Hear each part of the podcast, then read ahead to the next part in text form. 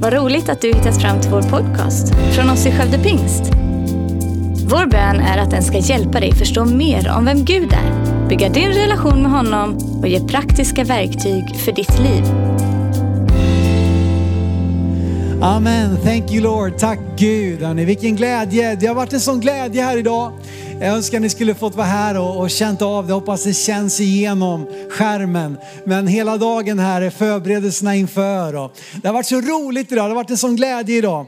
Och jag tror verkligen att det är, det är vad den heliga ande ger. Andens frukter är kärlek, glädje, frid och så är det sex stycken till som vi inte ska gå in på idag. Men glädje är den andra i uppräkningen av andens frukter. Så där helig ande finns, där finns det glädje. Kanske du har känt dig lite nere, kanske du har känt dig lite deppig. Jag tror jag talar till någon av er just nu faktiskt. Som sitter där hemma och visst, du har slagit på, du vet, jag vill vara med på gudstjänst, jag vill lyssna in. Men det har känts tungt, det har känts segt, det har känts modfälld. Men jag ber att den här stunden ska du få uppleva lite mer utav glädjen i den helige ande. I Jesu namn. Hörrni, vi ska läsa ifrån Lukas kapitel 24. Lukas 24 och eh, vers 49. Det här är Kristi himmelsfärd. Jag vet inte om du visste det, men idag fullbordas påsken. På pingsten fullbordas påsken. Därför att det Jesus gjorde på korset, det var att han raderade ut all vår synd, men han möjliggjorde också för att den helige ande skulle kunna sändas som en hjälpare, som en, som en liksom församlingens motor, som församlingens eh, eh, vägledare. Så att vi skulle kunna ta budskapet om Jesus till jordens yttersta gräns. Så idag på pingsten fullbordas påsken. Lukas eh, evangelium kapitel 24, vers 49. Det är precis när Jesu himmelfärd som vi ju firade för tio dagar sedan. Och då säger Jesus så här, att jag ska sända över er vad min far har lovat. Men ni ska stanna här i staden tills ni har blivit rustade med kraft från höjden. Innan Jesu himmelsfärd så ger han ett fantastiskt löfte. Att jag ska sända vad fadern har lovat. Och det är den helige ande.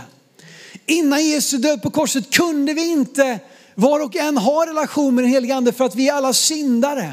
Vi bär på synd och den helige ande kan inte ha kontakt, kan inte vara liksom, han kan inte ha relation med synd.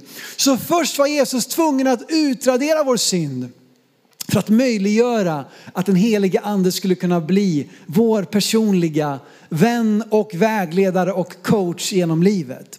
Och det här löftet, det Jesus lovar sina, sina lärjungar här innan han lyfts upp till himlen, det gäller dig. Jag älskar att pingst i Sverige har sedan flera år haft en satsning runt pingst, nämligen att löftet gäller dig. Så när jag nu predikar idag så vill jag inte att du ska tänka att det gäller någon annan, att det gällde för en, en viss tid, det gällde de som Bibeln handlar om eller som talar om. Utan löftet gäller dig. Livet med helig ande är en erbjudande till dig och till mig. Och det som är fantastiskt med detta och det som är mitt budskap till dig idag är att det finns mer. Det finns mer. Det finns mer att upptäcka. Jag vill inte se det på ett krystat sätt. Jag vet att vi ibland i kyrkans värld liksom alltid talar om att, att det finns mer på ett sätt som att det aldrig är nog. Har ni varit med om det att man känner att det blir bara en press, det blir liksom, åh jag, jag borde vara en bättre kristen, jag borde bota fler sjuka, jag borde vinna fler människor för Jesus, jag borde vara oftare i kyrkan, jag borde be mer, jag borde läsa mer Bibeln, jag borde ge mer. Och så blir den här pressen som att det aldrig är nog. Och det är inte det jag vill tala om idag. Det är inte det den heliga ande handlar om, att ge dig dåligt samvete. Men jag vill säga det på ett hoppfullt sätt, på ett löftesrikt sätt, ett inbjudande sätt att hallå, det finns mer. Var du än är i din gudsrelation i den här stunden. Du kanske inte ens har någon gudsrelation. Då finns det mer. Eller så har du det underbart gott med, med Gud just nu. Lever tillsammans med honom i Bibeln och känner att du kan liksom stå upp för din tro på din arbetsplats och ha goda samtal med dina vänner. Även för dig finns det mer i den heliga ande. För dig som känner att det har gått i stå och som tycker att ja, jag har varit kristen nu liksom i, i flera år. Och liksom det, det är samma gamla vanliga. Vet du vad, det finns mer. För dig som är 16 år och uppvuxen i kyrkan och tycker att du vet allt. För du är ju faktiskt 16 år och har varit i kyrkan i ditt liv. Vad, vad finns mer att veta liksom? Det finns mer för dig också. Löftet till de första lärjungarna är ett löfte till dig och mig. Så att relationen med den helige ande kan fördjupas, förstärkas och förnyas i Jesu namn. I Hesekiel, Hesekiel kapitel 40-48 så har profeten Hesekiel en fantastisk eh, vision, en syn utav, eh, utav någonting fantastiskt helt enkelt. Alltså Hesekiel, det måste vara jag vet inte om man får säga så här, men jag tycker Hesekiel är den mest deprimerande boken i hela Bibeln. Alltså det är så deppigt. Det är 36 kapitel. Jag läste nyligen Hesekiel. 36 kapitel.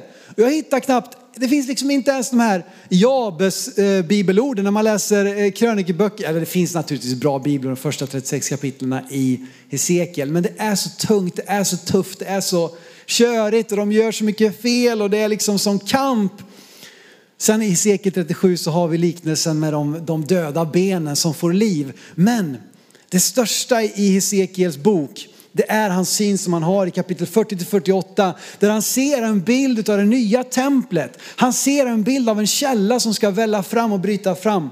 Eh, och, eh, eh, och, och, det här är en fantastisk syn. Det här är ju en tid där, där folket lever i fångenskap i Babylon. Och det gamla templet, det första templet har blivit förstört. Rikedomarna som fanns i templet har blivit bortfört. Ehm, och eh, Jerusalem inklusive templet har bränts ner. Och det är den här kontexten som Hesekiel får den här synen av att templet ska byggas upp på nytt. Ehm, och att det ska komma en väldig flod som strömmar fram ifrån altaret och ger liv åt Döda havet. Vilken fantastisk bild. Vi ska läsa här nu då i Hesekiel 47. Hesekiel 47 från vers 1 till 5. Det står så här, sedan förde han mig tillbaka till husets ingång och där fick jag se vatten rinna fram under husets tröskel på östra sidan för husets framsida låg mot öster och vattnet flöt ner under husets södra sida söder om altaret. Sedan förde han mig ut genom norra porten och ledde mig fram på en yttre väg till den yttre porten, den som vedde åt öster. Där fick jag se vatten vatten välla fram från den södra sidan. Sen gick mannen med ett mätsnöre i handen ett stycke mot öster och mätte upp tusen alnar och lät mig gå genom vattnet. Och det räckte mig till vristen. Sen mätte han upp ytterligare tusen alnar och lät mig gå där genom vattnet och det räckte mig till knäna. Ännu en gång mätte han upp tusen alnar och lät mig gå genom vattnet som då räckte mig till höfterna. Ytterligare en gång mätte han, ska, ska jag stegra min röst varenda gång? Det blir jobbigt till slut. Vi tar ner en stepp. Ytterligare en gång mätte han upp tusen alar och nu var det en ström som jag inte kunde vada över. Vattnet gick så högt att man måste simma. Det var en ström som man inte kunde komma över. En källa av liv är det som Hesekiel ser. Och vad har det här med pingstdagen att göra? Vad har det här med den heliga ande att göra undrar du? Jo men det här är en, en syn med en profetisk dimension som absolut har att göra med templet men som jag också tror har att göra med dig och mig. Jag ska försöka packa upp lite grann vad det här eh, synen handlar om. Eh, Vattnet är en bild genom hela bibeln på den helige ande. Det finns nio jättespännande symboler för den helige ande som kan lära oss om vem han är och vattnet är en av dessa symboler. Han är skillnaden i det kristna livet och i församlingen mellan liv och död. Du vet där det inte finns vatten, där kan det inte finnas något liv. Och där det inte finns vatten, där kan det inte växa någon frukt. Och lika viktig är den helige ande för hans folk, för församlingen. Floden gick ut från templet, själva centrum av Guds närvaro. Och vet ni vad Nya Testamentet lär? Den lär att vi är ett tempel åt den helige ande. Du och jag som troende är tempel åt den helige ande. Inte längre är templet endast en fysisk plats på en byggnad av sten. Utan templet är du och jag.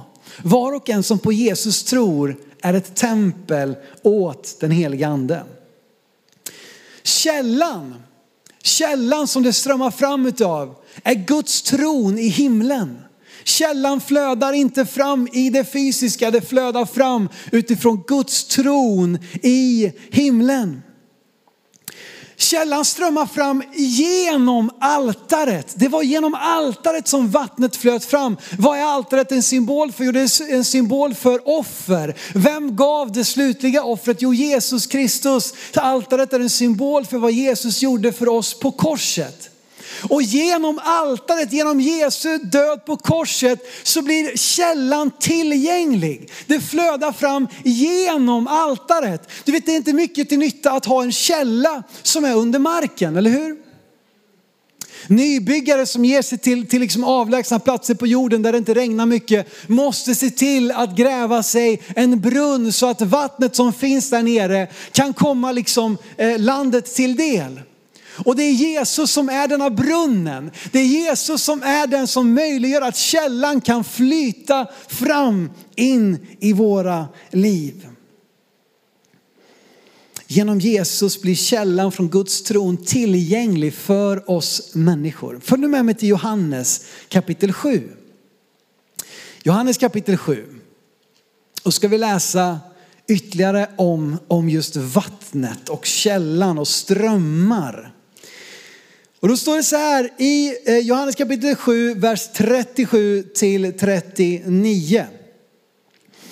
Här står det att på den sista dagen, den största högtiden, alltså lövidogtiden, stod Jesus och ropade, om någon är törstig, kom till mig och drick. Den som tror på mig som skriften säger, ur hans innersta ska strömmar av levande vatten flyta fram. Detta sa han om anden som de skulle få som trodde på honom. Anden hade nämligen inte kommit än eftersom Jesus inte hade blivit förhärligad. Ser ni det? Jesus är den som frigör den helige andes vatten. Källan som flödar fram, inte bara utifrån det fysiska templet i Jerusalem, utifrån var och en som på Jesus tror så kan det finnas källar, källor, vattenströmmar som kommer ur vårt inre genom tron på Jesus Kristus. Okej, nu måste vi förstå, vad, vad handlar det här om? Den sista dagen av vad då? Ja, av lövhyddohögtiden. Lövhyddohögtiden är en av tre pilgrimshögtider då alla skulle bege sig till Jerusalem. Många, många judar pilgrimsfärdade från hela liksom diasporan och från Israels område till Jerusalem för att fira lövdögtiden. Eh, här nu så, bland annat så, så firar man om minst den tiden då Israel levde eh, i hyddor i öknen på sin ökenvandring från slaveriet i Egypten in i det förlovade landet. Och därför ska man då bygga sig en lövhydda och bo i den under högtiden och på det sättet då minnas vad Gud har gjort jag, jag blir så lockad att, att tala lite om högtider. Du vet, när jag var 20 år, då tänkte jag nog att högtider, ah, vad är det grejen liksom, traditioner, bara bort med de traditionerna, släng dem över, över ända. Jag vet inte hur du kände. Så där, jag hade en period i mitt liv där jag tyckte liksom, ah, vi behöver inga högtider. Vi kan eh, fira på ändå. Vi eh, lever nära Gud ändå. Men det är någonting med högtider som Gud har liksom lagt ner i oss för att minnas och bevara och hålla fast vid viktiga sanningar som Gud har gjort. Men det är en annan predikan, så det får vi spara till en annan gång. Okej, okay. då ska vi eh, zooma ut lite grann här. Oj, tjena, här var det grejer.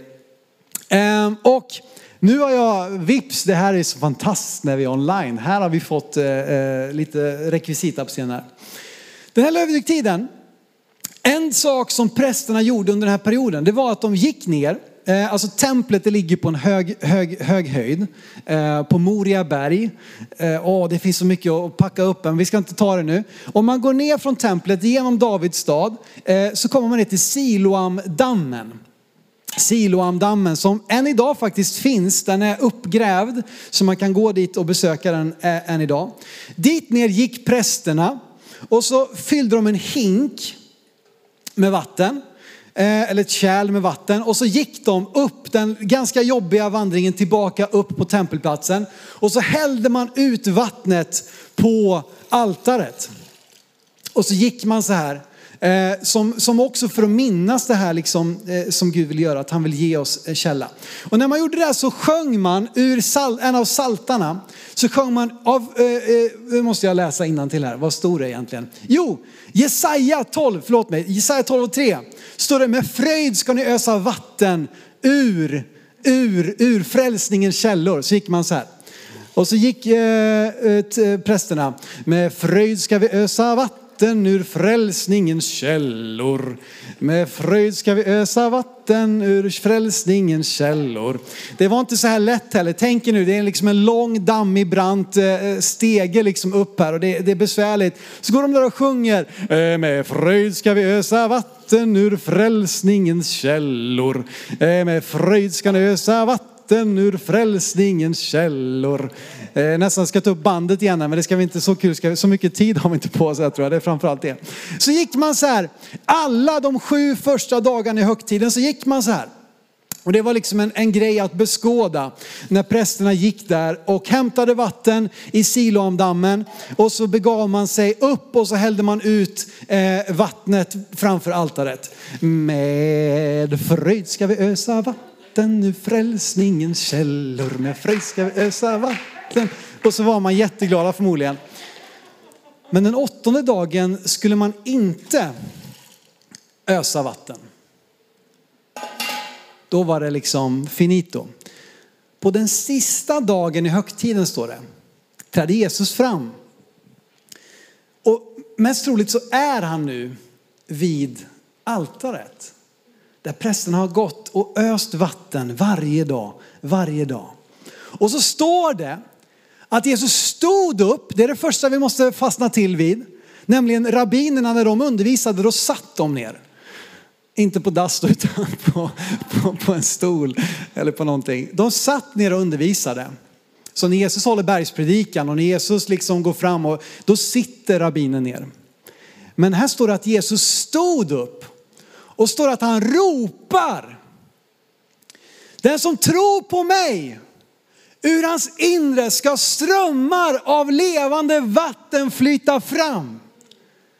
Tänk er vilken symbolik. Det här har de gått och kämpat. De här stackars prästerna, de har gått den dammiga, varma trappan upp hela vägen från Silomdammen upp på tempelplatsen och öst ut källflödet som slutade lika snabbt som de började hälla. Och här ställer sig Jesus och ropar. Den som tror på mig Ur hans innersta ska strömmar av levande vatten flyta fram. Förstår ni att, att fariseerna blev irriterade på Jesus? Den är liksom, eh, ja, man förstår det här. Jesus går fram och ropar ut, proklamerar. Och han säger det om anden som de skulle få som trodde på honom.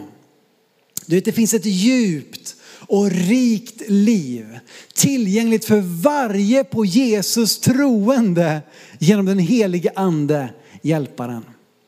Vi är tacksamma att få vara en del av pingströrelsen som har växt fram ur den här upplevelsen, erfarenheten av livet med den helige ande. Men jag är också väldigt glad att pingstväckelsen inte är begränsad till någon kyrka. Det finns inte någon kyrka som har patent på den helige ande, utan den helige ande är tillgänglig för var och en som på Jesus tror. Och det som växer snabbast i, i världen idag, den del av kyrkan som växer snabbast, det är de som betonar det karismatiska livet, det överflödande livet med den heliga ande. De som predikar Bibeln som Guds ofelbara ord och de som betonar det karismatiska övernaturliga livet med den heliga ande, den delen av kyrkan som gör det, den växer snabbare än någon annan del utav kyrkan. Det sticker ut lite ibland ibland. Det stöter sig lite grann med rådande strömningar i samhället. Det är inte alltid så politiskt korrekta åsikter och allt vad det nu kan vara. Men där detta predikas, där detta levs ut, där växer Guds församling snabbare än befolkningstillväxten. Den delen utav kristenheten som inte är begränsad till pingströrelsen utan som rör sig, sveper över alla kyrkor. Där det finns en mottaglighet, en öppenhet för den helige ande. där växer det. Det var så härligt, Stefan Gustafsson sa det så här att liberalteologer har inga barnbarn. Du vet om vi ska vattna ur budskapet, om vi ska sudda bort varje hörn som finns i Guds ord. Ja, vad finns det till slut att tro på? Det är ingenting som är värt att ge sitt liv för om det liksom ändå inte finns någonting kvar utav substans. Men om vi kan förmedla livet med den helige ande, en personlig relation med Gud genom den helige ande, det är någonting som kan växa från generation till generation. För det får inte stanna vid högtiden. Det får inte stanna vid traditionen. Det får inte stanna vid att vi liksom, ja men gör du bara det på den dagen, på det sättet, tar du på de här kläderna, då, då liksom, det är det det handlar om. Nej. Högtiden ska påminna oss om en sanning. Högtiden ska påminna oss om en verklighet så att vi kan få tag i och leva ut den verklighet som den högtiden påminner oss om. Och på pingsten fullbordas påsken. Tillbaka till Hesekiel 47. Tillbaka till Hesekiel 47. Strömmen strömmar fram genom altaret, genom Jesus själv. Och jag vill säga till dig att när du tar emot Jesus i ditt liv, då tar du emot den helige ande. Jag vill säga detta. För det finns undervisning, inte minst inom pingst, som ibland betonar eh, nästan som att du inte skulle ha den helige ande eh, om du inte är andedöpt. Men du kan inte vara frälst om inte den helige ande har fött dig på nytt.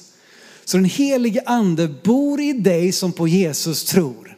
Om du är född på nytt, om du är döpt, om du har tagit emot Jesus som din Herre och Frälsare, så bor den helige ande i dig. Men det finns mer.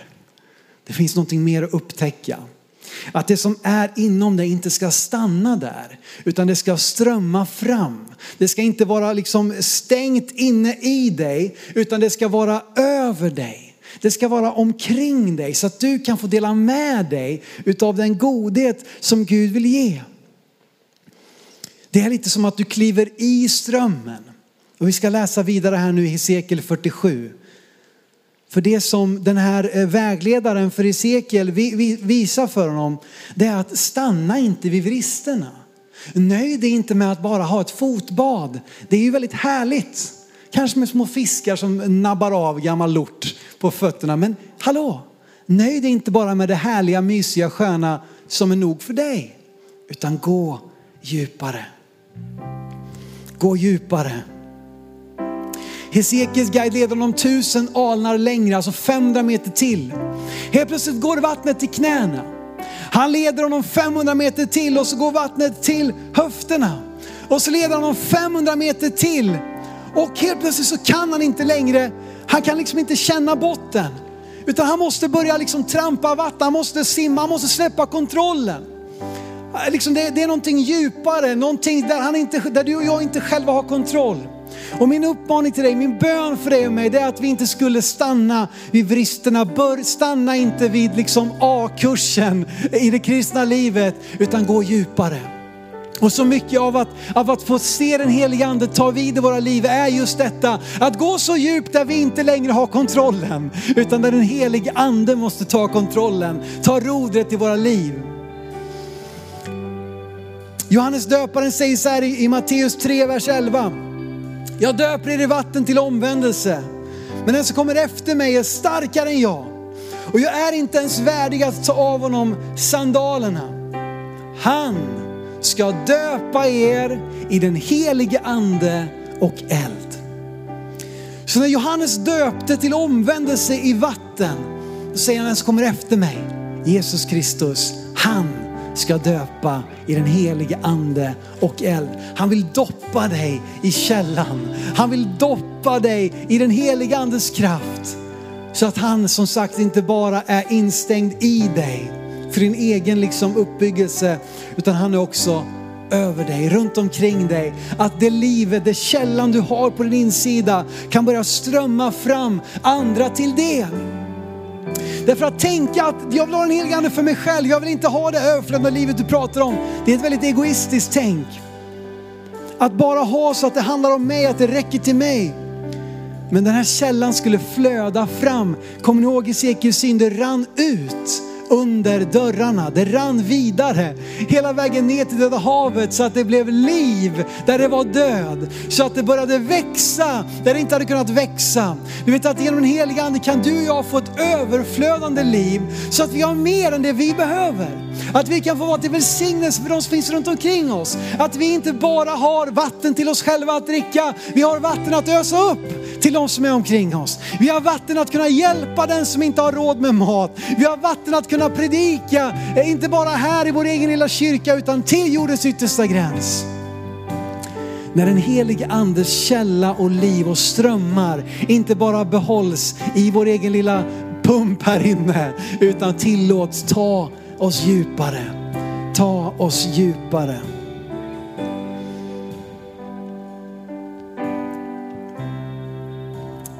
Läs gärna vidare i sekel 47.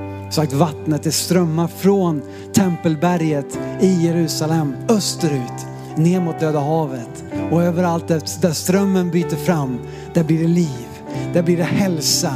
Där blir det läkedom för landet. Och det är vad vi ska göra när vi får en helig ande. Det är inte för att vi ska kunna skryta med att vi kan tala i tungor. Det är underbart, jag vill tala mer i tungor. Men det är inte för att vi ska kunna liksom bocka av en lista. Ja, bra, jag har gjort det, jag har gjort det. Nej, det är för att vi ska kunna få sprida liv, hälsa, tillväxt omkring oss.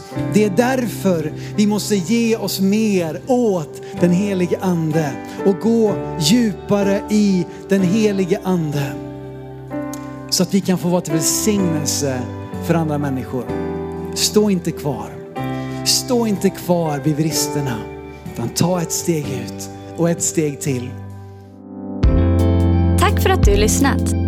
Dela gärna podden med dina vänner och glöm inte att prenumerera så du inte missar nästa predikan. Om du har några frågor eller vill att vi ska be eller tacka för något tillsammans med dig så får du gärna höra av dig till kyrkan skövdepingst.se. För oss är veckans höjdpunkt söndagens gudstjänst och det vore så kul att träffa dig där.